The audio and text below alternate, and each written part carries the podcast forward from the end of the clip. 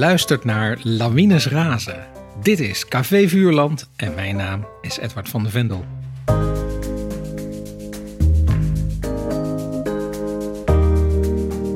In deze podcast herlees ik klassieke kinderboeken met auteurs van nu. Hoe vers voelen de boeken nog? Wat voor auteur was er aan het werk? Dat en meer bespreek ik vandaag met schrijvers Pim Lammers en Dolf Verroen. En het boek dat wij lazen is het eerste prentenboek uit de Nederlandstalige literatuur waarin een lesbische relatie voorkwam.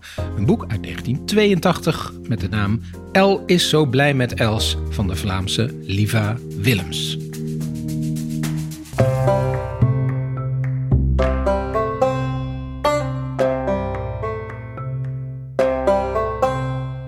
Welkom Dolf en Pim. Laat ik eerst even heel kort iets over het boek vertellen en dan eh, heb ik al een eerste vraag aan jullie. Het boek gaat dus over, ja, over El, dat is een hamster die op een dag geconfronteerd wordt in haar kooi met een nieuwe hamster. En dat is een mannetje, type. Maar tussen die twee wil het niet uh, lukken. En dan bedenkt dat baasje, uh, als El niet goed is voor type, dan moet er misschien een tweede vrouwtje komen. Hij wil namelijk kleintjes hebben. Dat nieuwe vrouwtje is Els. Alleen worden niet type het mannetje en Els een paar, maar El en Els. Nou, een boek over een grote verliefdheid tussen twee vrouwtjes, in dit geval twee hamsters. Um, het, ja, het, is een, het is een boek op formaat van een prentenboek, maar het is eigenlijk meer een eerste lezer, want het zijn hele eenvoudige woorden. Tekeningen zijn van uh, Huip Pieters, zwart-wit tekeningen. Maar Dolf en Pim, kunnen jullie alvast één korte indruk geven van jullie leeservaring? Pim? Ja, nou, ik maakte me eerst een beetje zorgen toen je dit boek voorstelde. Ik dacht, een uh, 40-jarig boek uh, over lesbische cavia's, uh, wat, wat zal dat worden? Maar ik was echt blij verrast. Ik vond het echt een heel mooi boek en ook een heel tijdloos boek eigenlijk. Dus ik vond het echt een mooi boek. Oké. Okay. Dolf, wat was jouw... Jij hebt het herlezen, want jij kende het al. Ja, nou, ik moet zeggen dat ik er nu veel enthousiaster over ben dan toen het verscheen. Want ik vond het eigenlijk een beetje truttig allemaal. Ik ben een beetje truttig van taal. En wat ik vooral erg vond, het was voor jonge kinderen. En het is erg lang voor jonge kinderen. Het is niet gesneden in stukken. Dus hoe, hoe doe je dat? Maar nu, nu ik het heb herlezen, vind ik het eigenlijk een heel bijzonder boek. Ja. Het heeft een... Het heeft een grote openheid. En wat ik natuurlijk de vondst van het verhaal vind, is het tweede vrouwtje daarbij. Ja. Dus het is niet alleen lesbischheid, het is alles. Ja. En dat, dat, dat vind ik echt heel bijzonder aan het boek. En ik vind het mooi van toon. Ja. En ik vind het eigenlijk heel knap om met die korte woordjes um, zo'n lang verhaal toch te maken, wat ruim is. En overzichtelijk en helder. En ja, vind ik erg mooi. Ja, precies. Nou, we gaan het er zo nog uitgebreider ja. over hebben. Eerst nog heel even over Liva Willems. Zij leefde van 1933 tot 2002. Uh, Dolf, je hebt haar gekend, dus we komen zo meteen over haar te praten. Ze was een psychotherapeute en ze schreef heel veel boeken voor met name echt jonge kinderen. Waarvan eigenlijk El is zo blij met Els de bekendste is geworden. Daar kreeg ze de Gouden Driehoek voor. We horen straks wat voor prijs dat was.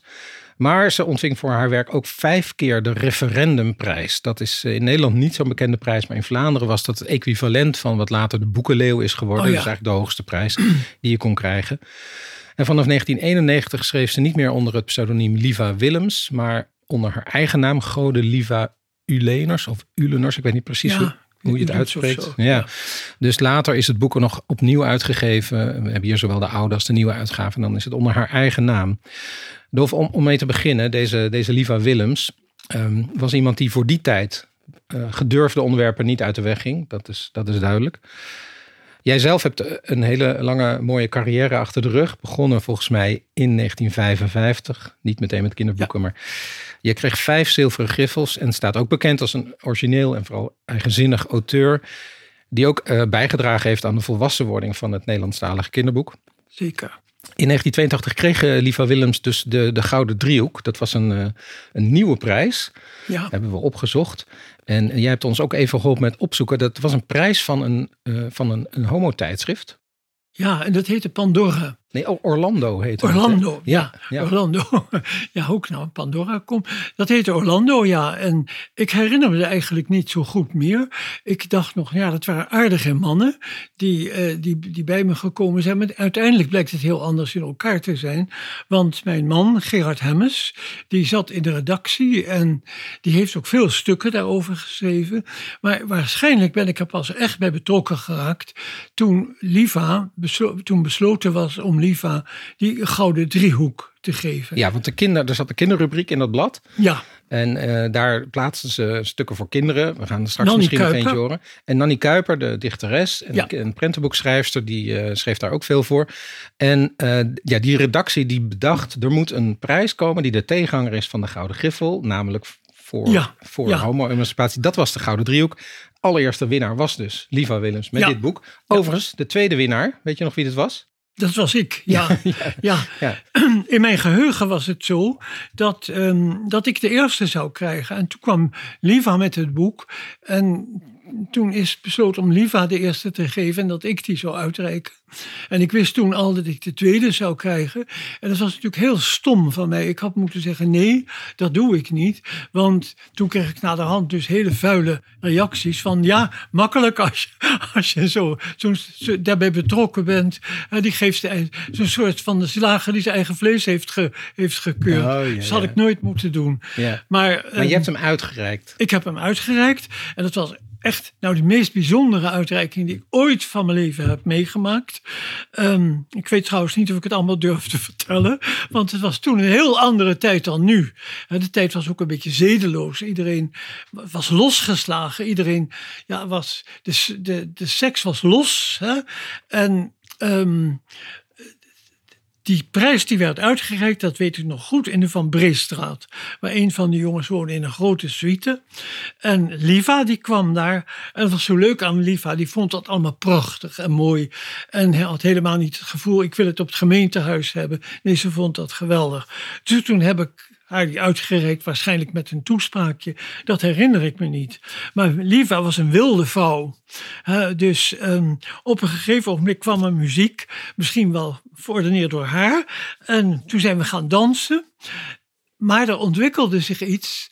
Ehm Liva kende mijn werk goed en was daar enigszins van gecharmeerd, hoe moet je dat zeggen, op een bescheiden manier. Wel, het, ze, vond dat ik heel veel dingen goed had aangesneden in, in de kinderliteratuur. En op de een of andere manier raakten we zo met de dansen in elkaar verstrikt dat het eh, bijna Els en Els leek. Nou, Jij, jij was El en zij was Els, even. ja, ja. Maar toen. Nou, ik denk dat, ze- dat, dat, dat weet ik niet. Dat, eh, maar toen op een gegeven ogenblik bleek dus dat ik dat, ik dat niet wilde. Toen schoof ze me. Ik geloof dat ik een mooie jongen zag. Toen schoof ze me van zich af en riep: Je wil helemaal niks met mij. Oh. En toen zei ik nee, dus dat was eh, heel vreselijk. Maar dan liep ze weg. Het was heel onstuimig iemand. En eh na de hand is dat wel weer goed gekomen. Maar dat, zulke dingen kun je nu niet meer voorstellen. Eh, dat, ehm, ja, in mijn tijd werd er, werd er niet gediscussieerd, maar werd er geschreeuwd tegen elkaar. Jaloezie kwam naar boven.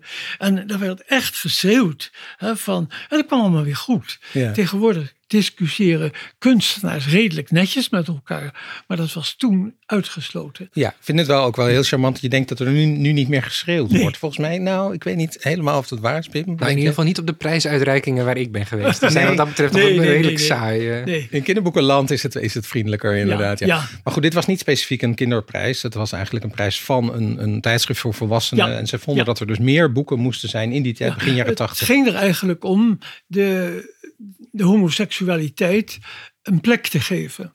En eh, nou, wat meer bekendheid hoeft het natuurlijk niet, maar wel om het normaal te maken en het een no- normale plek in het leven te geven. Ja. ja. En het weerspiegeld te zien in de, in de Ja. kinderliteratuur. Ja. Nu is wel eh, bijzonder uit die tijd ehm, dat er weliswaar wat, wat kinderboeken of jeugdboeken waren waar het in voorkwam, maar dan waren het vaak ouder, hè, vaak boven de twaalf. Ehm, en, en misschien wel wat verhalen voor jonge kinderen, maar niet heel veel. Maar jij schreef eigenlijk in die tijd met name voor onder de twaalf. ja. En je schreef eigenlijk tot dan toe niet echt over over homoseksualiteit bijvoorbeeld. nee. Behalve dus één verhaal in een verzamelbundel. Eh, die verzamelbundel heet Nou, Tien keer verliefd. Miep heeft het me vaak gevraagd, doe dat nou. En het lukte mij niet. En Waarom, waarom lukt het niet? Ja, dat weet ik niet. Dat misschien zat ik daar veel te vast aan. Om, dat ik, ik kon dat geen vorm geven. En in van Vriendschap is dat voor het eerst gebeurd. Maar het verschil tussen Liva Willems en mij was... dat het verhaal is eigenlijk een soort conflict situatie. En van, van geaccepteerd te willen worden van noem maar op. En bij Liva was het helemaal vrij ineens. Dat is een groot verschil. Ja, ja. ja. Want dat kenmerkt denk ik, eh Pim, jij, je, hebt, doet veel onderzoek eigenlijk naar queer boeken en je leest ook veel. Heb je boeken uit de jaren tachtig gelezen waar, waar dat in voor? Nou, ik, heb, ik heb wel veel daarover gelezen. En wat je toen de tijd wel heel veel had, was inderdaad voornamelijk bij de 12-plus boeken, dat het vaak een negatieve bijklank had. Dus dat je echt boeken had waarin eh, een personage dan dacht dat hij homo is. En dan in, op het einde ineens heel blij was dat het toch niet zo bleek te Ja, zijn. ja. Of eh, boeken waarin relaties slecht liepen, zelfmoord. eh, zelfs boeken over jongensprostitutie, waarbij dan de hoofdpersoon eh, hetero was en eigenlijk maar een hekel had aan seks met mannen. Dus er hing echt een soort negatieve sfeer eigenlijk rondom homoseksualiteit. En dat is juist zo mooi bij Els, zo blij met Els, dat er helemaal, Helemaal niet bij is. Ja. Ja. Vind En ik dus, ook. en ja. dus in die zin is het een revolutionair boek. Want eh, nog even terug naar het verhaal. Dat gaat dus inderdaad gewoon over de dag dat er een, een, een vrouwtjeska, eh, vrouwtjeshamster, het zijn hamsters, in de kooi bijkwam. En die is ook nog meteen verliefd. Hoe, wat, wat, wat, toen jij dit las, je zei net al, ik was aangenaam verrast. Waar zat dat aangename erin? Ja, ik was heel erg bang dat het heel ouderwets zou zijn. En dat het heel, eh, ja, als een soort, dat ze als een soort juf zou uitleggen van hoe zit het. En eh, soms heb je twee lesbische cavia's of hamsters en dat is ook helemaal prima. Maar er zit een soort, soort eh, ja, je gaat eigenlijk echt met de gedachtenstroom van het dier ga je mee. En er zit een soort vanzelfsprekendheid in. En het, het, de liefde ontstaat langzaam maar zeker. Het, is, het ligt er nergens te dik bovenop. Nou, dat vind ik juist niet. Ik vind juist het mooie dat het zo lichamelijk is. Ze ruiken aan elkaar en dan weten Ja. ze het. Dat vind ik eigenlijk zo mooi in dat boek. Hè, dat, eh, ehm, er wordt van mannetje vrouwtje wordt dat beschreven, maar bij hun ook zo. Ja. En dat vond ik eigenlijk juist zo goed. Ja, het is heel fysiek. Ja. ja. Ja, dat vond ik ook heel mooi inderdaad, hoe ze dat dan doen. Dat ze eerst een beetje aan elkaar gaan ruiken, dat de snorharen tegen elkaar aankomen. In het begin is dat dan nog wat spannend en langzaam maar zeker ontstaat dan echt die, eh, die verliefdheid wat er zo mooi in zit eigenlijk. Ja.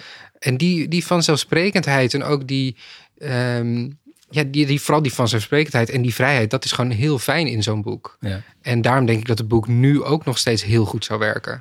ja, maar het zou wel anders geïllustreerd moeten worden, anders vormgegeven. Ja, dan kunnen we eens. misschien komen komen we daar zo nog over. Eerst, eh, Pim, om jou nog even goed te introduceren. Jij schrijft sinds 2017, dat was eh, het jaar van je debuut, dus nog niet zo heel erg lang. Toen verscheen Het Lammetje dat een varken is, het eerste transgender prentenboek, waar je meteen een zilveren griffel voor kreeg. En je was dus inderdaad de jongste griffelwinnaar ooit. Daarna verschenen nog heel wat meer prentenboeken en boeken voor eerste lezers. Waarin eigenlijk nadrukkelijk, eh, zonder het verhaal in de weg te zitten of te onderbreken of thematisch te maken, maar heel diverse personages een rol hebben. Bijvoorbeeld eh, een zwarte lesbische eh, ridderprinses.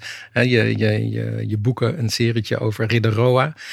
Daarnaast ben je dus een groot kenner van de LHBTQIA plus literatuur voor zowel volwassenen als kinderen, omdat je recensies schrijft voor de Wink en boekentips voor queerboeken.nl. Ehm, dit boek is, kwam uit elf jaar voordat jij geboren werd. Ja, Dus je zei net al, ik was verrast door, door de natuurlijkheid en zo. Maar dat hele natuurlijke of dat, ja, dat vanzelfsprekende zonder, zonder een moreel oordeel of zo. Is dat iets wat voor jou ook een uitgangspunt is geweest bij je eigen boeken? Ja, ik vind het zo fijn, ik vind het zo fijn om in boeken en verhalen niet eh, het heel uitleggerig te maken of heel erg eh, moralistisch, maar echt een soort, soort vrijheid eigenlijk te creëren voor de kinderen. eh, om daar zelf ja, die ontdekking te maken. Dus in bijvoorbeeld De Boer en de Dierenarts. Dat is je eh, tweede prentenboek. ja, mijn tweede prentenboek. Het gaat over eh, liefde, over twee mannen die verliefd op elkaar zijn. En daarin is homoseksualiteit ook helemaal niet het probleem of een, een thema. Het gaat echt over liefde. En voor mij is het ook, dat is het idee van het boek. Het is een boek over liefde. En dat het toevallig twee mannen zijn, dat is helemaal geen probleem. Eh, en ik denk dat ik dat heel erg probeer in mijn boeken ook. Eh, ja, om kinderen eigenlijk te laten zien hoe divers en mooi de wereld en de liefde is. Ja. En Laten we inderdaad toch nog even teruggaan naar waar we het net over hadden. Zou, zou dit boek dan nu uitgegeven kunnen worden? Jij zei eigenlijk van wel. Ja, en ik ben het helemaal met Dolf eens dat er andere illustraties bij zouden moeten. Ja, er staan een Ehm, paar zwart-wit tekeningen in. Niet heel Zou erg jij veel. dat bijvoorbeeld willen doen? Eh, ik kan absoluut niet tekenen, Nee, dus, nee. eh, dus dat is niet mijn... eh, nee, ik, ik mag gelukkig heel vaak samenwerken met geweldige illustratoren. Maar ik kan er zo een paar Helemaal noemen die het heel goed eh, zouden kunnen doen. Eh, maar ik denk, als je nu dit boek hebt, het is dus heel erg geschreven met kleine woorden, eh, kleine zinnen. Ik denk, AVI-niveau schat ik zo in op E- AVI E3. Nou, het zou zo bij verschillende uit, educatieve uitgeverijen in een, in een, serie kunnen passen. Ja, AVI E3, eind 3, dat is ongeveer als de Ja. kinderen een jaar leesonderwijs hebben. Ja. Inderdaad, allemaal, meestal één lettergreep woorden. Als het meerdere lettergrepen zijn, dan staat er zo'n duidelijk streepje tussen. Ja, en ehm, is dat niet eigenlijk ook een beetje een droevige teleur, eh, eh, vaststelling dat dit boek er dus eh, al lang voordat je werd geboren was en dat het nog steeds een boek is wat nu zou kunnen? Zou het niet eigenlijk verouderd moeten zijn? Zou het niet verder moeten zijn? Ja, eigenlijk wel. Ik vind het ook best wel een gek idee dat ik dan denk, als dit boek nu zou verschijnen, dus laten we zeggen bij, bij een educatieve uitgeverij op scholen, dan is dat vernieuwend. En dat idee vind ik eigenlijk best wel gek. Dat ik dan denk, ja, we zitten in 2022, dat zou niet zo moeten zijn. Dit boek zou nu, als het uitgekomen zijn, weer vernieuwend zijn. Ja, want je hebt als je kijkt naar echt de boeken, eh, de AVI-boeken, waar kinderen mee leren lezen, eh, daar komt homoseksualiteit echt heel weinig in voor, bijna niet. Eh, sterker nog, een aantal jaar geleden hadden we nog bij bepaalde uitgeverijen de lijst met verboden onderwerpen, eh, waar dit boek dus absoluut niet tussen zou kunnen zitten.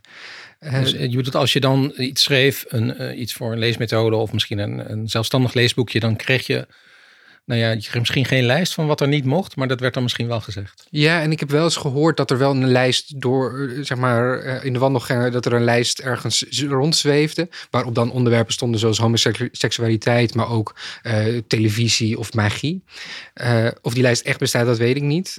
Ik heb zelf het geluk gehad dat ik de afgelopen paar jaar in opdracht mag schrijven van een aantal van die uitgeverijen. En ik heb gelukkig wel de vrijheid gekregen om ja, zelf te bepalen waar ik over schrijf. Ja, is daar nooit enige eh, commentaar op geweest? Of, of, is het misschien zelfs een vraag geweest aan jou om daar meer over te schrijven? Ja, ik heb eh, bijvoorbeeld bij uitgeverij Zwijze, die eh, een aantal jaar geleden was ik met hun in gesprek. En zij merkte ook wel dat hun, eh, hun boekenaanbod toch wel een beetje diversiteit miste. En dan voornamelijk op het gebied van gender en seksuele diversiteit. En toen hebben zij mij eigenlijk heel expliciet gevraagd van Bim, wil jij voor ons een serie daarvoor maken? Een serie over diverse liefde, waarin alle ja, vormen van liefde, eh, dus liefde tussen ehm, eh, een man en een vrouw, liefde tussen twee mannen en tussen twee vrouwen, naar voren komen. Kat en een muis. Ja, bijvoorbeeld, dat kan ook nog. ja, dus, eh, dus zij hebben me heel expliciet daarom gevraagd. Eh, en dat vind ik een hele fijne, eh, Ja. fijne ontwikkeling. Dat niet alleen de auteurs, de schrijvers het zien, maar ook de uitgeverijen zelf. Want de uitgeverijen hebben zo'n enorm bereik eigenlijk. Ja. Is het zo dat er eh, binnen alle onderwerpen die met LHBTQIA plus te maken hebben, ook weer onderwerpen zijn die onderbelicht zijn? Ja, absoluut. Ehm, de maatschappij verandert natuurlijk heel snel. Eh, dus er zijn ook bepaalde identiteiten ehm, ja, waar volwassen mensen ja, niet heel veel van weten. Bijvoorbeeld, een voorbeeld is eh, non-binair als identiteit. Eh, de meeste mensen groeien natuurlijk op met het idee van je hebt man en vrouw. En transgender, het idee van in transitie gaan, dus wisselen tussen de hokjes, dat kan nog wel. Maar dat er nog iets daarnaast staat, dat vinden heel veel mensen ingewikkeld. Waar Eh, mensen geen bepaalde keuze maken voor een, voor Ja. een gender. Ja. Ja, dus niet man, niet vrouw of bijvoorbeeld zowel man als vrouw. Ehm, en dat zie je bijna niet eigenlijk in, in kinderliteratuur. Eh, omdat volwassenen het zelf vaak niet, de- niet, niet begrijpen, vinden ze het ook moeilijk en ingewikkeld voor kinderen. Ja. Eh, terwijl het hangt er gewoon heel erg af, af van af hoe je het eh, bespreekbaar maakt. Dus ja, daar binnenin zie je wel duidelijk bepaalde onderwerpen die minder aan bod komen. Maar ook als je kijkt naar bijvoorbeeld ehm, lesbisch en homo's. ehm, lesbische eh, personages komen veel minder vaak voor dan eh, homoseksuele personages. Ja. Dus ook daar zit weer een verschil in. Uh, transgender. Eh, ja, ik weet het niet eigenlijk waar, waar dat vandaan komt. En ik, heb, ik moest een boek, op een gegeven moment moest ik een boekenlijst voor het COC samenstellen met boekentips. En toen vond ik het best wel moeilijk om echt goede prentenboeken over ja, lesbische liefde eigenlijk te vinden. Gelukkig is er afgelopen jaar eentje eh, verschenen. Mama doet gek. Een heel lief eh, boek waarin de moeder helemaal verliefd is. Ehm, en, en ineens het hele huis staat vol met, met bloemen en planten. Ehm, en dan eh, uiteindelijk blijkt ze verliefd te zijn op de eh, vrouw van de plantenwinkel, van de bloemenwinkel. Eh, dus gelukkig komen ze wel. Dolf, in, eh, in jouw hele oeuvre zitten nogal wat boeken die je destijds eh, toch wel baanbrekend kon noemen, of, of eh, op zijn minst gedurfd. Heb je, ik denk bijvoorbeeld aan Karel en de kindermoordenaar, of ook aan eh, Hoe mooi wit ik ben, De vis en de jongen. de, de jongen en de vis, of de vis en de jong. Ehm, heb jij het idee toen gehad, een beetje, misschien een beetje, een beetje de algemene vraag, maar heb je toen het idee gehad dat je een missie moest hebben als, als schrijver? Helemaal niet. Nee, helemaal niet. Ik ben helemaal ook niet van de missie. Ik wil ook geen missie. Ehm, ik, ik weet dat niet. Ik, eh, ik ben ooit van mijn leven heel erg verbaasd geweest dat ik voor het eerst eh, Hartman ontmoette. Weet je wat? Evert Hartman, ja, Evert schrijver. Hartman. En die zei, god ben jij het? Ik dacht dat jij iemand was die alles overhoop gooide. En ik dacht, hè, ben ik zo, word ik zo bezien? Maar dat was zo. Maar eigenlijk over heel kleine dingen.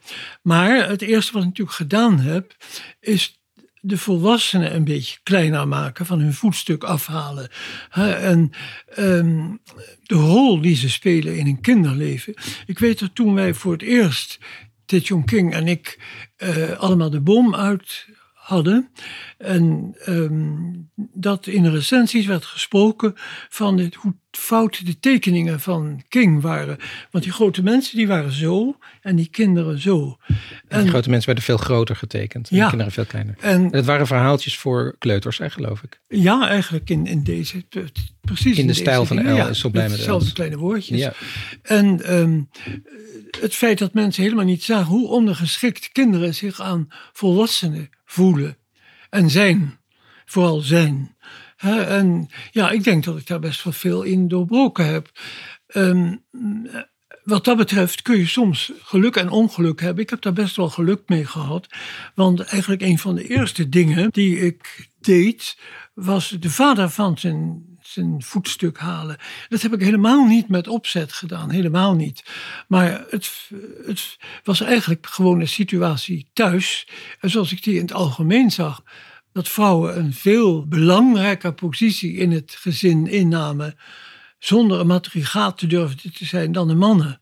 En dat mannen eigenlijk veel laffer zijn in het algemeen. Dat, dat zag ik. En, Want dat eh, was jullie thuissituatie zo'n beetje. ja, ja. ja, Ja. ja, ja, ik had, ja, ik, ja, ik had een moeder met, die, met heel veel empathie. En een vader die heel mooi was, maar ook een beetje glibberig, denk ik. Dat weet ik niet. maar, ehm, en ehm, ja, vandaar, ja, is wat je gewoon, wat je meekrijgt. Ehm, als je begint met schrijven, ik ben natuurlijk met een eerst een aantal dingen begonnen die heel conventioneel waren. Maar ja, eigenlijk heel stom. Ehm Lisbeth en Houten, die zei tegen me... Uitgeefster. Dolf, de uitgeefster. Dolf, ik wil nu dat je ophoudt met vertalen en dat je zelf weer wat gaat doen. En toen zei ik, ja, maar ik weet niks. En nou, goed, ze zei, het komt wel. Het was december. Dat is geen maand om iets te doen, om iets nieuws te beginnen. Maar in januari, of 2 januari, toen dacht ik, ik moet gewoon verdomme wat gaan doen. Hè, want ik ben toch schrijver. En ik ben aan mijn tafel gaan zitten. En toen kwam het eerste verhaaltje. Dat kwam. En dat hield op met zo'n 30, 30 regeltjes of zo. Wat, wat. En nou, tien verhaaltjes dacht ik. Dat is een beroeps, dat ken je natuurlijk. Dan, dacht- dan wordt het een boek. Hè, en na 36 verhaaltjes was het ineens op. En nou, ik wist het niet. Ik heb het naar Lisbeth gebracht. En Lisbeth die las het. En die zei, Dolf, ik heb nog nooit zoiets raars gelezen. Nog nooit. Maar ik ga toch uitgeven. Ik denk niet dat we er tien van verkopen. Maar ik ga toch uitgeven. En toen heb ik zelf bedacht om Taejon King te vragen. Die eigenlijk nog nooit iets voor jonge kinderen had gedaan. Maar wel voor een paar ehm nou, puberboeken. en King vond dat meteen leuk. En ja, het ging meteen. Ja. Hij had dat... eh, Maar dat heb je dus niet. Je zei net, ik hou niet van missie, ik moet er niet aan Nee, denken. helemaal niet. Dus om die reden heb je het niet geschreven. Maar toen heb je natuurlijk wel aan de reacties gezien dat dit, nou ja, de eerste reactie meteen al van de uitgeefster, maar daarna ook van recensenten waarschijnlijk, dat het een beste revolutionair was wat je daar deed. ja, ja. Maar de- je bent er niet mee opgehouden. Dus de missie heeft zich misschien toen toch wel gevormd. Nou ja, weet je, als iets in mijn gedachten is, het, dan loopt het vaak een hele rare, vooral met jonge kinderen, loopt een rare kant op. En daar kan ik niks aan doen. Dat, eh, dat, dat, ja, dat vind ik soms lastig, maar Ja. dat, eh, ja. Dus het, je, je Daarom kan ik misschien ook nu niet meer voor jonge kinderen schrijven. Dat gevoel heb ik op het ogenblik. ja, is dat zo? Ja, dat heb ik heel erg. Ja. Ik, mijn nieuwe boek is dus voor, ehm, ja, laat ik zeggen, 15, zoiets. Ja, ja. Ja, Maar waar je, eh, wa- waarom zou dat dan nu niet meer kunnen? Wat is er dan veranderd? ja ik weet dat niet. Ik, ehm, ik heb daar wel eens met Annie Schmid over gesproken. En die zei altijd, dat was een standaard antwoord. Toen zei ze, nou ja, omdat ik acht ben gebleven. Ja. En toen zei ik, maar dat meen je toch niet? Nou ja, zei ze, ja en nee. En toen zei ze, misschien heeft het daar iets mee te maken. En dat het zou best kunnen dat je gaat schrijven vanuit iets wat gebeurd is in je jeugd. Mijn vader bijvoorbeeld, wat heel onwaarschijnlijk is, die kon heel goed omspringen met baby's. Maar zodra kinderen een eigen stem kregen, dan was het mis. Dat moet ik, heb ik gezien aan zijn kleinkinderen. En dat moet ik natuurlijk zelf ook ondervonden hebben. Dus misschien is dat een soort frustratie uit, ik weet het niet.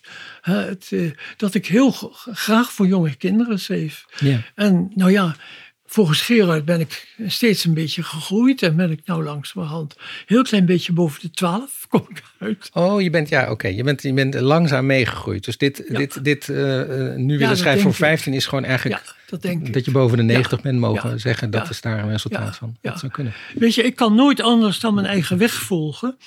En ehm, ik zou zo dolgraag iets schrijven wat dat juist niet hoefde. Wat, zo, wat iedereen mooi zou vinden.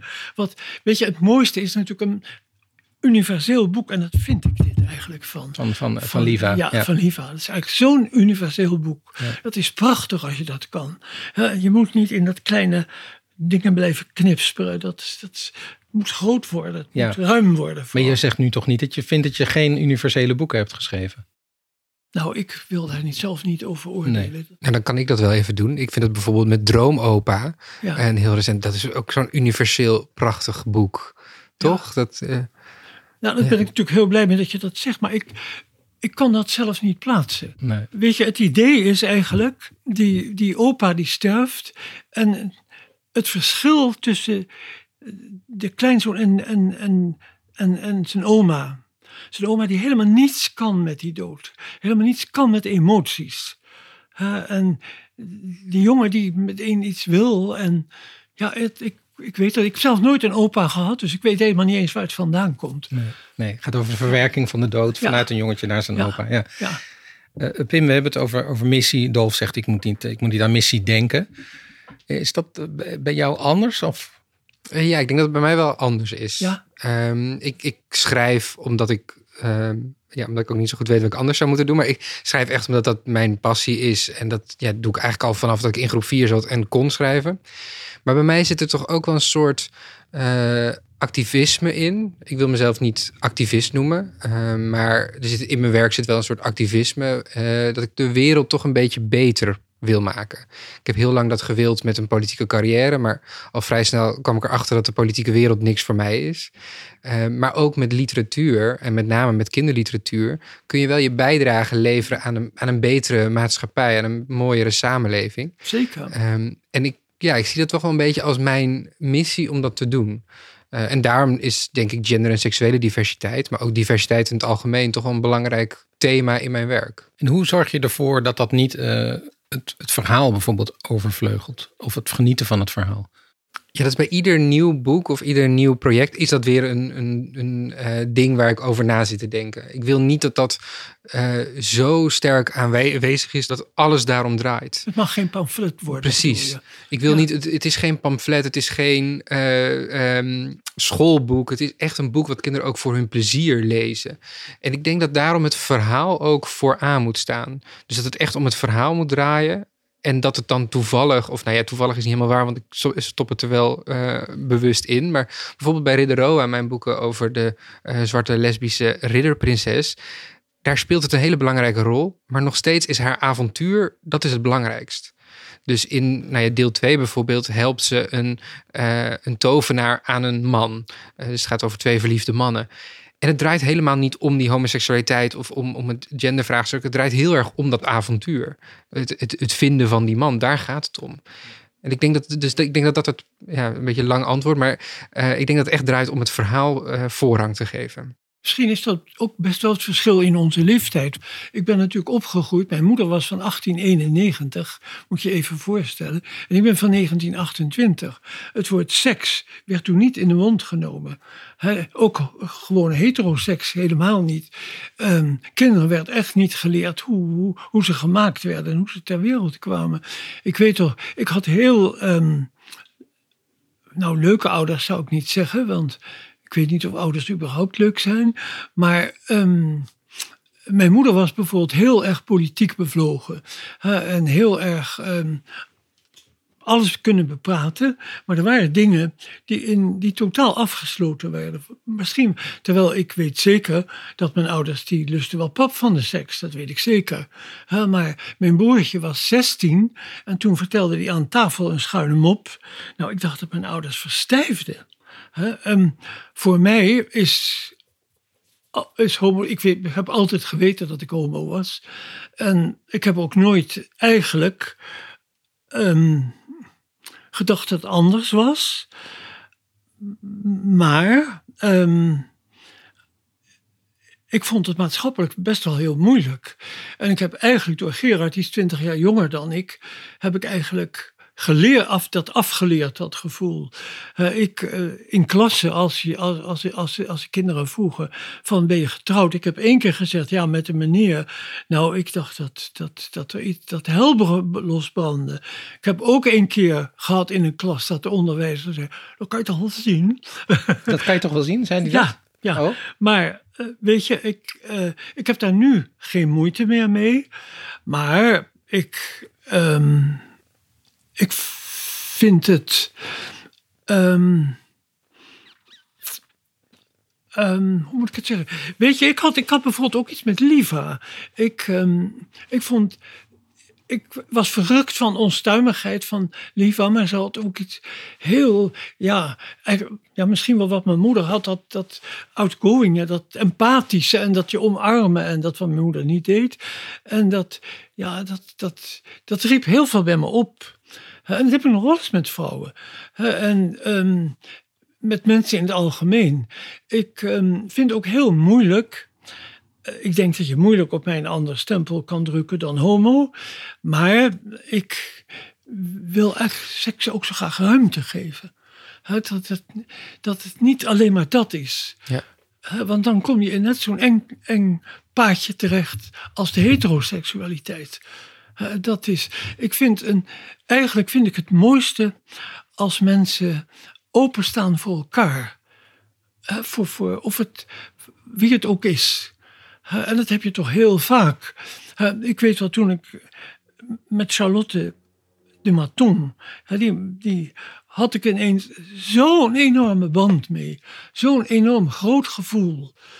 Dat, Tekenares, die een aantal van je laatste boeken heeft gedaan. Ja, ja. ja het is dus eigenlijk um, toen ik de opdracht voor de het kinderboekenweek geschenk kwam, toen heeft ze gevraagd of ze dat mocht illustreren.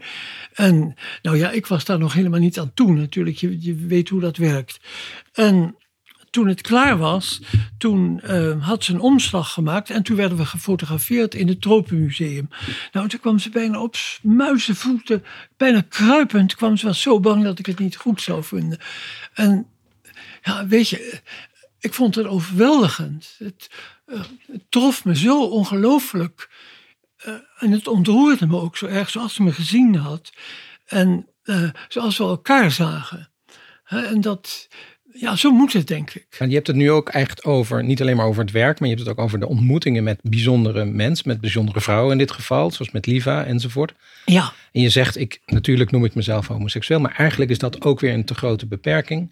Ja, vind een... ik eigenlijk. Dat je jezelf die beperking oplegt, bedoel ja. ik. Van zo ben ik en dit is de grens. Ja. Ik vind het moet onbegrensd zijn. Ja. Ik vind het heel mooi dat je dat zegt, want het, ik ervaar dat ook zo. Ik heb ook heel lang, vooral als jongere, uh, toen ik er net achter kwam dat ik uh, verliefd werd op jongens. Toen vond ik het heel fijn om die hokjes te hebben. Om te weten van, oh ja, ik ben homo, ik ben net zoals anderen. Ja. Maar naarmate ik ouder werd, kwam ik erachter dat dat hokje, homo, man die op mannen voelt, dat dat zo heel beklemmend is. En dat je dan eigenlijk uh, ja, je, soort, soort koker-tunnelvisie hebt en niet open staat voor andere dingen. Ja. En daarom vind ik het zo mooi om nu te kijken wat je voornamelijk bij de jongere generatie ziet. Een soort openheid op het gebied van seksualiteit. Dat seksualiteit is fluïde, uh, het is veel vrijer. Dat vind ik een hele mooie uh, Ja. verandering ook. Ja, en weet je, het is niet alleen seksualiteit. Natuurlijk, er komt zoveel meer bij. Van gevoel, van, van, ja, van voelen. Hè? Dat, eh, van, ik, ik zeg altijd, de wereld is natuurlijk niet alleen seksualiteit. Hè? Of een erectie. Een wereld is van, ja, ik vind liefde altijd een beetje moeilijk om, om in de mond te nemen. Om, dat heeft gauw een pretentie natuurlijk. Maar je begrijpt wat ik daarmee bedoel. Dat ehm, je ontvankelijkheid, het, het zelige, hoe noem je het, noem, het zomaar. Dat vind ik zo, en dat wil ik ook zo graag in mijn boeken hebben. Hè, dat het, ehm, ja, maar ik weet niet of me dat altijd lukt natuurlijk. Maar eh, Dolf, mag ik dan nog even vragen hoe, Ja. het, hoe het kwam? Eh, jij zei eh, daar straks van, nou ja, ik, ik ben eigenlijk een beetje misschien meegegroeid met mijn boeken. Ja, je hebt de liefde niet per se altijd op een eenduidige manier willen definiëren. Eh, aan de andere kant zeg je ook, ik, ik schreef vanuit wie ik was, van dat wat ik van vroeger kende. Je zegt ook, ik wist al heel vroeg dat ik op jongens viel, ook al spraken we er vroeger niet over. Toch heeft het tot 2019 geduurd voordat je je boek Niemand ziet het schreef. Eh, Een boek met, laten we zeggen, Oh, ja. gebaseerd op jeugdherinneringen. nee, nee, nee. Toen had ik er een vorm voor. Want weet je, het is wat je voelt, wat je denkt, hoe je leeft, dat is iets. Maar om te schrijven heb je een vorm nodig. En die was er ineens. En En, nee, ik moet- even over het Ja. boek zeggen. Het speelt in 1947. 13-jarige jongen is de hoofdpersoon, Victor. Jij was on- ongeveer die leeftijd in 1947, ongeveer. Ja. Ehm, en de eerste zin is, natuurlijk wist ik dat ik homo was, maar ik durfde er met niemand over te Ja. praten. Eh, je hebt ah, daarvoor alleen maar, dus die, waar we helemaal mee begonnen, dat verhaal geschreven over twee jongens die verliefd Ja. waren, waar je toen die Gouden Driehoekprijs voor kreeg. En eigenlijk, ja, tot, tussen 1980 en, 19 en 2019 heb je niet eerder geschreven over een jongen die op andere jongens viel. Nee, nee. Maar ja, dat is omdat er zoveel in me. Dat weet ik eigenlijk niet. niet Nee. om, ik geloof niet dat ik het ontlopen heb. Ik was aan gedacht, maar dan heb ik er geen vorm voor. Iets begint in jezelf. En je weet niet wat. En ehm, nu ben ik er, ben ik er op ehm, eh, een nieuwe boek ben ik er wel, wel meer mee bezig. Maar ja, toch ook op een, denk ik, een manier die die vanuit mijn tijd komt. Dat, ik weet niet of ik er zo vrij in ben. Dat weet ik niet. Hoe bedoel je, die uit jouw tijd komt? Nou, weet je, de essentie van Niemand ziet het, waar het eigenlijk met mij in het boek om gaat, is dat de moeder dat op, op, een, op een dag ontdekt. Hij gaat met een meisje, het heeft helemaal niks te betekenen. Hij probeert, zij probeert wat met hem. Hij gaat daarin mee, maar hij ziet dat het helemaal niks is en loopt verward terug naar huis. Maar dan is het al lang door de buurt ontdekt, want Thea heeft niet zo'n goede naam in de buurt. En dan zegt zijn moeder dat je met zo'n meisje, ik wil niet dat je daarmee thuis komt. En dan, vanuit zijn emotie, zegt hij, ik ben homo. Hè, en nou, weet je, en eerste reactie is van zijn moeder, dan krijg je nooit meer een baan. Nooit meer een goede baan, je wordt veracht door iedereen. En nou ja, mensen gaan uit elkaar en die jongen denkt, nou daar zit ik dan boven op zijn kamertje. En op een gegeven ogenblik komen die ouders, waarschijnlijk door toedoen van de vader, die wat milder is, komen ze trap op naar de zolder waar die jongen slaapt of zit op dat moment in zijn kamertje. En dan komt hij ze tegemoet, dat doet hij, vond ik heel moedig van hem. En dan zegt zijn moeder, het is allemaal niet erg hoor, niemand ziet het. Ja, ja. Dat is de ontkenning van je bestaan. Ja. Dus eigenlijk een heel, Ja. toch een triest einde eigenlijk. Ja, toch? dat is het Ja. einde eigenlijk. Dus in dat stadium was ik toen nog. Ja, ja. En je zegt nu, je bent eh, min of meer eh, daar nu weer over aan het schrijven. Ja, ja, ja, ja. En- ja. ja ik ben nu, eh, nu ook weer in een oorlogssituatie die.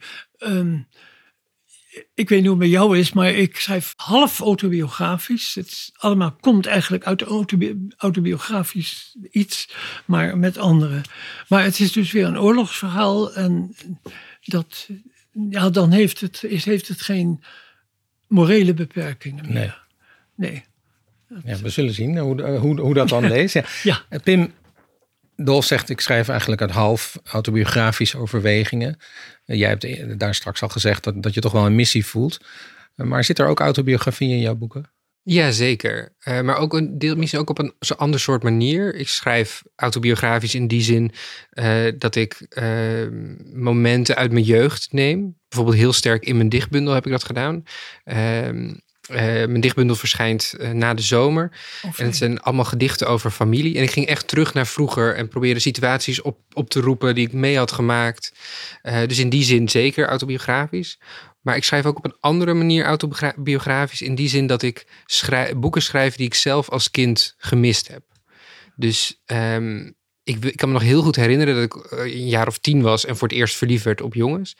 En dat ik het ja, het, het, hele begrip van homo en wat dat precies betekende, dat ik daar helemaal heel weinig van begreep. En ik denk dat ik daarom ook bijvoorbeeld prentenboeken schrijf waarin dat voorkomt, omdat ik die boeken zelf had willen lezen. Ik denk dat het zoveel makkelijker was geweest als er uh, een boek over twee verliefde koningen uh, in mijn uh, boekenkast had gestaan. Dat het veel makkelijker was om het tegen mijn ouders te vertellen, bijvoorbeeld. Later heeft een boek jou ook erg geholpen, toch? Zeker, ja. Want ik was dus een jaar of tien. Ik zat in groep zeven. Toen werd ik voor het eerst verliefd. Um, en ik kant ontzettend fijn, want wat is er fijner dan verliefd worden? Maar ik vond het dus zo moeilijk om te bedenken dat er andere jongens waren zoals ik. En dat duurde vrij lang. Ik denk dat ik pas in de brugklas, dus 12, 13 dat ik was, toen voor het eerst eigenlijk een boek las. Uh, See You in Timbuktu van Carrie Slee. Uh, en daarin uh, is een van de personages, uh, Brian, die wordt verliefd op zijn beste vriend. En dat was voor het eerst dat ik over mezelf las. Voor het eerst kwam ik mezelf tegen op papier. En dat was voor mij zo'n belangrijke uh, leeservaring eigenlijk. Want ik kwam er zo achter dat ik niet de enige was. Uh, ik kwam, ontdekte hoe mijn leven eruit zou kunnen komen te zien. Uh, op een gegeven moment vertelde Brian het ook aan zijn beste vriendin. En toen voelde ik van, oh ja, ik kan het dus ook aan andere mensen vertellen. En dat gevoel, dat, dat eigenlijk echt een soort gelukgevoel, ja, dat wilde ik aan andere kinderen doorgeven. Diezelfde leeservaring gun ik ieder kind. En kom je uit een familie waar dat allemaal mogelijk was om daarover te praten? En werd um, het geaccepteerd en Ja, zeker. Ik heb een hele, ja, ik heb ja, een hele lieve familie. En uh, ik kan me ook nog wel herinneren dat er voor uh, mijn coming out... dat mijn zus wel eens zei van... Uh, oh, ik hoop dat een van jullie... Ik heb nog een jonger broertje. Ik hoop dat een van jullie homo is, bijvoorbeeld. Ja, en, ja. Ehm, dus het, het, het, was ook wel... Op een gegeven moment werd er wel over gepraat. Maar alsnog vond ik het moeilijk. Om, want het is toch... Ja, je voelt je toch anders. je hebt toch het idee dat je iets moet compenseren, bijvoorbeeld. Ja. Oh, ik voel ook soms wel eens een bepaalde agressie in mijn werk. Ik, dat, dat, ik bedoel, dat zit er zeker in, ja. ja. En agressie tegen? Boosheid over hoe ik. Uh, um, hoe uh, de meest intieme kant van jezelf, hoe die ja, dat hij slecht was en, en onbespreekbaar was. En ja. ja dat denk ik zeker. Ik denk um, dat ik um, in een andere opvoeding, andere tijd, op, dat ik anders geschreven zou hebben. Ja. Ja. ja, ja. Ik voel ook nu dat het langzaam verandert. He, dat, dat voel ik ook nu, ja. Dat het vrijer wordt, minder, minder agressief? Ja, ja. Dat ik, dat ik mijn agressief een betere bedding kan geven. Ja, ja zoiets. Ja. Ja, wat dat betreft, weet je, ben ik, ben ik zo'n ontzettend. Ja, ik ben niet gelovig, dus ik mag eigenlijk niet zeggen een gezegend mens. Maar ik ben zo blij dat ik op mijn bijna 94ste nog. Um, dat allemaal voelen kan. En dat, ik, dat het niet weg is. Uh, en dat ik, ja. En dat er ontwikkeling in zit. Ja, He, ja, ja, ja, misschien is dat wat ik bedoel. Want ja. dat is toch ook vaak zo? Literatuur zorgt er, dat wat wij schrijven, zorgt er toch ook vaak voor dat we onszelf leren kennen? Ja, ja, ja, ja. Ja, wat ik soms in mijn eigen werk wel eens gemist heb. Ik ben dus opgegroeid, zeg maar, met de boeken van Leonard Roggeveen. En uh, dat, nou, de zeven jongens van Downert, dat waren hele warme, lekkere boeken hè, waar je in kon wonen. Nou, zo was het leven helemaal niet. En soms denk ik, ik wou dat ik dat schrijven kan, want dat is zo welvarend voor kinderen. Omdat... Iets, iets warmere boeken zou ja, hebben geschreven. Ja, daar heb je, Dat, dat zijn dat zijn groeihormonen voor je. Dat, eh, dat, Ja, maar terwijl dan moet ik toch weer net, net als Pim Droom open aanhalen. Dat is toch een heel warm boek. ja, ja, ja, maar dat is Dus heel het is- belangrijk. het is gelukt Dus, af en toe, ja, Ja, ja. ja. dat. Maar Pim- ik zelf kan dat niet zo goed, bedoel. Nee, zo, ja. Pim, ehm, als jij nu zegt van het is, het is van belang geweest dat ik boeken heb gelezen. Ik wil graag zelf dat soort boeken schrijven. Jij komt veel op scholen en ook op middelbare scholen. Merk je eigenlijk dat, merk je dat er eh, jongens of meisjes zijn die dat op die manier opvatten? Eh ja, zeker. Ik, ik merk wel heel erg verschil ook tussen scholen. Dus eh, soms kom ik in, eh, in, in groepen en dan is het, het woord homo nog nooit gevallen. Of dan denken kinderen van, dat het een scheldwoord is. En soms kom ik in klassen en dan is er heel veel openheid en dan weten ze heel veel. Ik heb bijvoorbeeld ooit een keer in groep 7, eh, mijn, mijn meisje van groep 7, die wist waar alle letters in LHBTQIAP voor stonden. Ja. Alle letters wisten.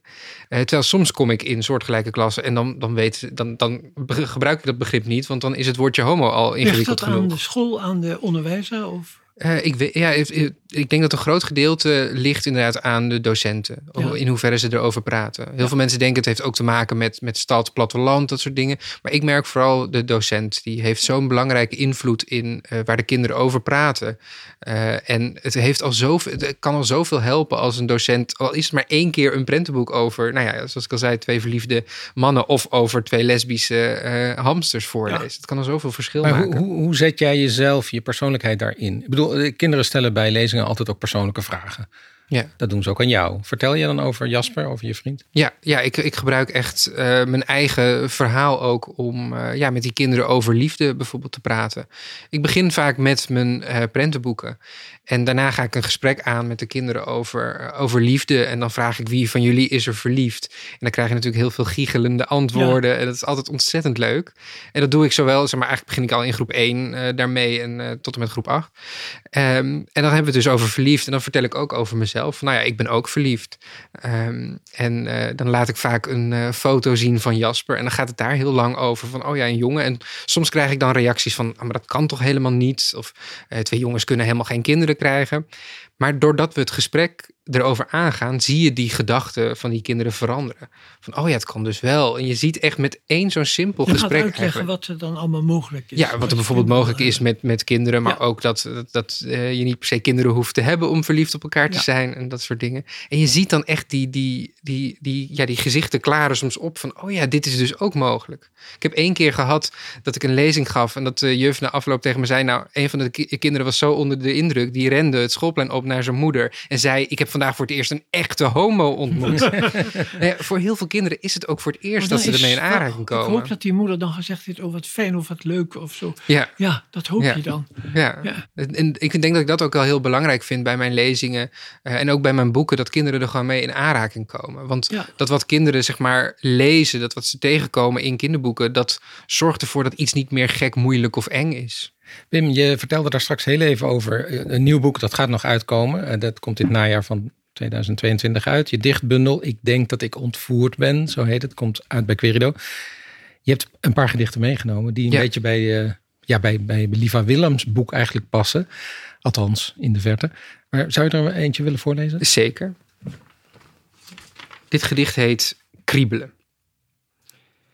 Ik zit bij opa op schoot en probeer niet te raden wat hij met zijn vinger op mijn rug tekent. Een huis, oma, een dubbeldekkerbus, een eend, een walvis. Opa schudt zijn hoofd, tekent, tekent, tekent. Ik weet al lang wat het is, maar wat voelt nou fijner dan gekriebel op je rug? Na poging 6 lacht opa. Ik stop, mijn vinger is moe. Je zoekt maar een mooie meid om op je rug te kriebelen. En een mooie jongen, vraag ik. Is dat ook goed? Ik durf niet om te kijken. Opa zegt niets, is even helemaal stil. Dan schrijft hij op mijn rug, wie jij maar wil. Leuk, prachtig gedicht. Mooi, Dankjewel. Ja. Ik vind het, ik, ik, ik, ik, ik- we kennen elkaar, dus ik heb dit gedicht eerder gehoord. Ik vind het altijd ben ik ontroerd door dit gedicht. Ja, het, z- het z- zit, wat mooi is in het gedicht, dat is er even een soort pauze, een soort stilte is. En dan die reactie. Dat Ja. maakt het gedicht zo mooi. Dat, dat, dat, is, dat is de kern van het. Weet je, die aarzeling van die opa, even verwerken en dan. Dat vind, dat vind ik zo mooi aan het gedicht. Ja, prachtig. En dit, dit gaat dus ook niet echt over eh, dat jongens met jongens kunnen zijn of meisjes met meisjes. Het gaat over hoe ouders het allermooiste geschenk aan hun kinderen kunnen geven. Door Ja. te zeggen Ja. wat jij maar wil. Jij bent degene die dit leidt. Ja. Ja, en voor mij zit er ook een soort, een soort. De hoop is, vind ik ook heel belangrijk. En ook de twijfel van het kind zelf, heel eventjes. Eh, maar ja, ik hoop dat. In, in mijn droomwereld reageert iedere ouder of grootouder op deze manier. Wie jij maar wil. Ja. Oh, maar dat is niet duidelijk dat het een, een. Dat hoeft ook niet. Ik heb het niet gelezen als een aarzeling, maar misschien mag ik dat ook. Ja, nee, Ja, zeker. ja, het fijne ja, van gedichten ja. is dat je het Ja, op ja. meerdere manieren Ja. kunt interpreteren, natuurlijk. Ja, Helemaal in het begin zeiden wij dat, dat er binnen eh, de LHBTQIA plus range nog, nog ja, toch wel eh, minder vertegenwoordiging is voor sommige mensen. Eh, volgens mij heb jij nog een gedicht wat daar een beetje iets aan Ja. probeert te doen. Ja, we hebben het kort gehad inderdaad over eh, non-binaire identiteit. Ehm, en ik vond dat zelf in het begin. Eh, ik ben natuurlijk ook opgegroeid met het idee: je hebt mannen en vrouwen. Ehm, dus ik snap dat heel veel mensen het heel ingewikkeld vinden en het moeilijk vinden om het te begrijpen dat er veel meer mogelijk is. Eh, dus ik ging eigenlijk, eigenlijk op zoek naar een hele simpele manier om er met kinderen, of eigenlijk ook met, om er met volwassenen over te praten. Eh, en het Want Ik denk resultaat. met volwassenen ook. Dat het- Zeker, ja. ja. Ja, dus dit is ook een gedicht niet alleen voor kinderen, maar ook voor volwassenen. En het heet Tante Ben. Soms vragen kinderen aan mij: is je tante man of vrouw? Maar ik weet het niet. Tante Ben draagt jurken, alleen nooit roze, altijd blauw. Tante Ben heeft een hagedis met de naam Otje, drinkt kasses bij het ontbijt, neemt de telefoon op met wat motje, heeft een drie dagen baard, draagt lippenstift en is dol op mokkataart. Tante Ben speelt viool, spaart postzegels, heeft een hoge stem, 10.000 volgers op Instagram, een zeilboot, een lichtfiets. Maar goed, dat zegt natuurlijk niets. Tante Ben past nergens bij, valt in elk hokje uit de toon. Dus ik dacht, ik vraag het gewoon. Ben jij een hij of een zij? Tante Ben antwoordt, geen hij, zij, hem of haar voor mij. Ik hoor liever hen of die. Die, vraag ik. Hen? Die glimlacht. Zeg jij maar gewoon Tante Ben. Ja, goed. Mooi. Mooi hè? Ja. Waarin je toch inderdaad op een speelse manier eh, nieuwe voornaamwoorden aanbrengt. Ja. Dolf, ik hoop dat jij ook nog wat wil voorlezen. Orlando, die tijdschrift waar we het helemaal in het begin over hadden, begin jaren tachtig, Ja. homo-tijdschrift. En daar staat een kinderverhaal van jou in. Ja. Het verhaal heet Prinses. Karel heeft mooi haar. Het lijkt wel van goud. Het glanst in de zon. En het is heel lang. Het hangt bijna op zijn schouders. Karel kijkt dikwijls in de spiegel. Hij vindt zijn haar erg mooi. Hij is er trots op. Net zo trots als op zijn kleren. Karel gaat graag kleren kopen maar zijn moeder niet. De ene broek is te blauw, de andere is te bleek en de derde is te wijd. Je wordt er gek van. Moeder tenminste. Karel zelf niet hoor. Die vindt kleren kopen enig. Hij kan uren naar bloesjes kijken. Net zo lang tot hij het goede heeft gevonden. Zijn moeder zegt wel eens: O Karel, welke jongen doet dat nou? Je lijkt al een meisje. Dat vindt Karel fijn om te horen. Hij zou best een meisje willen zijn.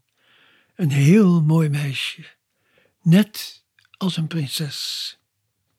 Moeder heeft een heel oud boek en daar staan sprookjes in. En er is één sprookje dat Karel erg mooi vindt. Het gaat over een prinses en een leeuw. Het prinsesje heeft goudblond haar. Het is net zo blond als Karels haar en net zo lang. Het prinsesje is lief, maar de leeuw niet. Die probeert haar op te eten. Er is een prachtige plaat van. Maar Karel kijkt niet naar de leeuw. Hij kijkt alleen naar het prinsesje.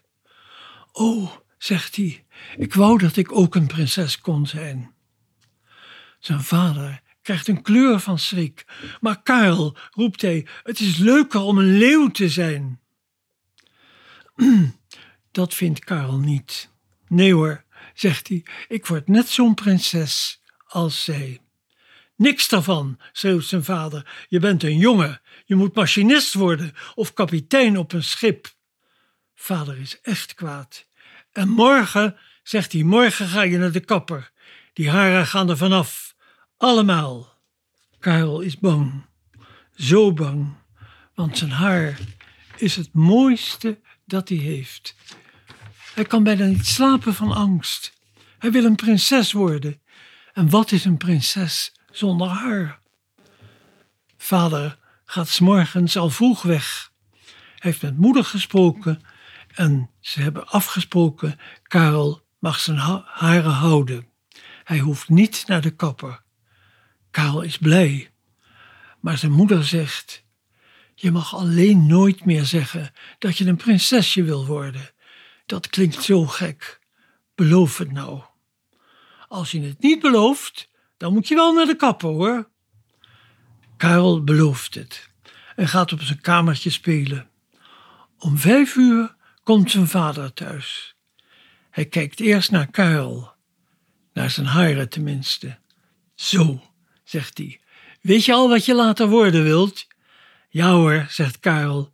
En hij begint kwaad te grommen. Ik word een leeuw en ik vreet je op. Goed, roept zijn vader, zo mag ik het horen. En hij kijkt reuze blij. Karel zegt maar niks. Prinsessen weten beter. Mooi. Die Prachtig einde. Die ook. laatste zin is echt wel heel sterk, hè? Ja. ja. Ja, Zou je, heb je nou niet het idee dat dit misschien nu, nu alsnog een prentenboektekst zou kunnen zijn? nou, het staat in een. eh, er is een boek van gekomen samen met, ehm met Tae King. Dus het is ooit gepubliceerd geweest. Als, als boek met alleen dit verhaal. Nee, met een heleboel van. Ja, daarom, ja. Ja, Nee, ja, ja, ik zou. Ik, ja, natuurlijk. Dat, ja, Ja, wie weet, wie weet. wie weet. Wat Ja. ik hier mooi aan vind, net als met El is zo blij met Els, hier zit ook een soort eh, tijdloosheid in. Dat het inderdaad zo nu een prentenboek zou kunnen zijn dat kinderen Ja, van nu maar ook dat van. Els vind ik mooier. Eerlijk gezegd, omdat van Els is zo wijd. Dat is, dit is persoonlijker. Hè? Dit is een klein persoonlijk drama. Maar bij Els is het, is het zo universeel. Dat vind ik eigenlijk zo mooi aan het verhaal. Het gekke is, dat hebben we vroeger helemaal niet gezien. Nee, dus het is ook een pleidooi voor herlezen van oude boeken. Ja, zeker. Ik denk dat, dat, dat we daar eh, ongeveer mee afsluiten. Maar één ding nog eventjes. Eh, we weten wat Dolf eh, aan het schrijven is, zo'n beetje althans. En waar, waar, welke richting het neemt. Pim, wat, wat komt er na de dichtbundel nog van jou? Ehm, ik ben nu druk bezig met mijn eerste 10 plus boek. Oh ja. Eh, dus daar, eh, ik ben er nog mee, een beetje mee aan het worstelen, maar ik hoop deze zomer daar veel tijd voor vrij te maken. ja, ja. En je, je bent ook een beetje ouder aan het worden in, in je werk. Eh, begrijp ik dat dan? Eh, ik groei langzaam mee, inderdaad. Ik, ik begon eerst bij de prentenboeken, de boeken voor eerste lezers. Eh, maar ik heb ook heel veel ideeën eigenlijk voor eh, ja, 10 plus, maar eigenlijk ook wel voor 15 plus. Eh, ik heb nog steeds heel veel ideeën eh, in mijn hoofd, maar ik moet vooral de tijd even vinden om, eh, om ze op te schrijven. En hoe schrijf jij? Heb je het verhaal in je hoofd? Of schrijf je op avonturen, als ik zo altijd doe? Ik- Harry Mulisch zei altijd, ik begin en ik zie waar ik uitkom. Ja, ik ben qua schrijven dan denk ik niet zo heel avontuurlijk aangelegd. Ik moet wel echt een soort richting weten. Ik moet een beetje ook. weten waar ik begin en waar ik eindig. Ik, ja, Eigenlijk- ik ook. Ja, ik wil eigenlijk het liefst het einde al weten. Maar soms, als ik dan aan het schrijven ben, dan kan het toch nog ineens een hele andere. eh, dan vergeet ik een bocht of een afslag en dan kom ik heel ergens anders uit. Dat kan wel. Oh ja, ja. Herkenbaar? Ja, ja dat herken ik, ja. Nou, laten we misschien afsluiten met, eh, met de laatste zinnen uit El is zo blij met Els. Eh, want dat is wel echt. eh, daar, er komen dus vier dieren in voor. El, Els, dat is logisch. Maar dan ook nog Typ. En dan ook nog Jessie. Jessie is dus het nieuwe meisje, wat dan uiteindelijk toch waarvoor dat ene mannetje, ja, die de boel een beetje in de weg zit, maar die wordt dan voor, voor Type erbij gevoegd. En dan, eh, dan staat er. Eh, Hmm, zegt Jessie. Hmm, zegt Typ. Welkom in ons huis. Eet, zegt Typ. Hij duwt met zijn snuit wat graan naar ons. Hmm, zegt Els. Hmm, zeg ik. Els komt met haar snor aan mijn snor, heel stil. Niemand ziet het, maar ik voel het. En Els voelt het ook. Dan ruik ik aan de buik van Jessie. Heel dik is die buik. De kleintjes gaan tekeer. Wat leuk. Kleintjes bij Jessie en Typ. Wat leuk voor ons vier. Oh ja, Cheap. Ja. ja. Nou, iedereen gelukkig. Wij gelukkig. en eh, dank jullie wel voor het gesprek. Het leuk geworden, denk je? Goed geworden? Dat denk ik wel. Ja, Ik vond het in ieder geval een ontzettend leuk gesprek. ja, Fijn. ja.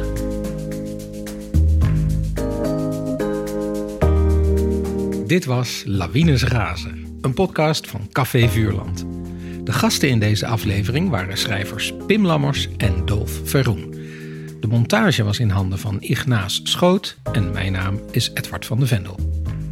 Je kunt alle informatie uit deze aflevering nalezen op www.vuurland.nu, dus .nu. Klik dan even door op Café Vuurland. Deze podcast werd mogelijk gemaakt door een subsidie van het Nederlands Letterenfonds in het kader van de campagne Van Maker tot Lezer. En we bedanken de Erva Rutgers van der Loef en uitgeverij Ploegsma voor het mogen gebruiken van de naam Lawines Razen.